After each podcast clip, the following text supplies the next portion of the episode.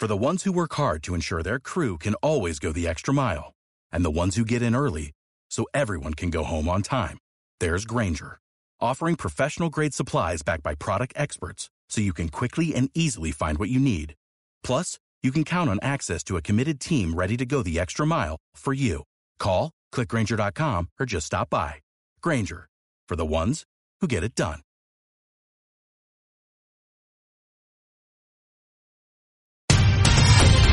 Noticiesdelta.cat, el butlletí informatiu de Ràdio Delta, amb tota l'actualitat de Deltebre.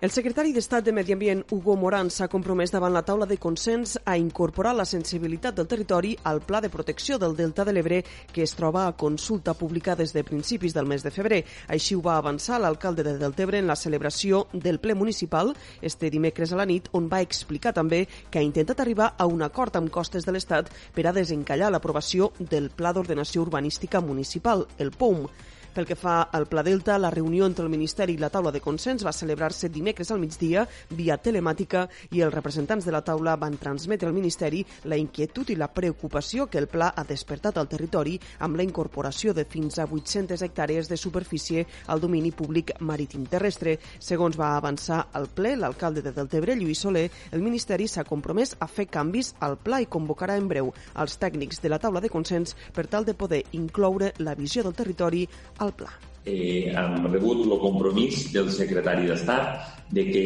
este pla de protecció del Delta que havia sortit a informació pública és eh, un document pues, que espera rebre les al·legacions necessàries, però que hi ha la voluntat del Ministeri de eh, poder assumir pues, la sensibilitat del territori a través de les delegacions que es faran i a través també de la propi treball compartit en la taula de consens, però que avui s'ha compromès que en els propers dies convocaria els tècnics també de la taula de consens per a fer un seguiment acurat d'este pla de protecció del Delta i ens ha fet evident que la voluntat, en aquest cas del secretari d'Estat o del Ministeri pròpiament, és poder incorporar aquesta sensibilitat del territori la taula de consens i l'Ajuntament de Deltebre treballaran igualment per a la presentació d'al·legacions al Pla de Protecció del Delta amb l'objectiu de reconduir l'estratègia del Ministeri. Més enllà de les al·legacions tècniques, tal i com ja es va anunciar, l'Ajuntament de Deltebre promourà una campanya de recollida d'al·legacions per part de la ciutadania per tal que des del Ministeri es vegi que el pla ha despertat totes les alarmes i inquietuds al Delta.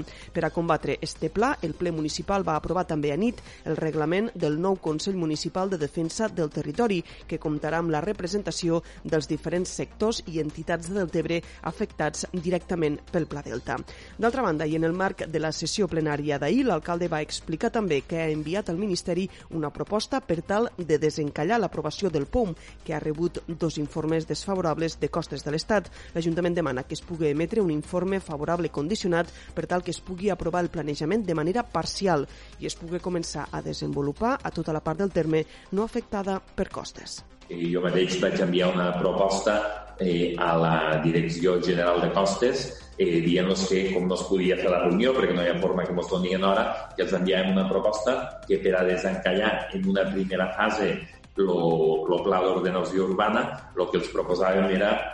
que fessin pues, un informe favorable condicionat en la línia de que se pugui aprovar l'OPOU de forma parcial i no en tot el que afecta l'àmbit de costes i que, per tant, continuem reclamant una, una reunió en costes però que aquesta reunió en costes, eh, com s'està allargant massa, no mos perjudique a tota la resta de terme municipal que no té un àmbit d'afectació en costes. Cal dir que Soler ha enviat fins a dos cartes a costes de l'Estat i encara està pendent d'una reunió per a resoldre la situació. Això és tot per ara. Més notícies, com sempre, a través del portal deltacat.cat.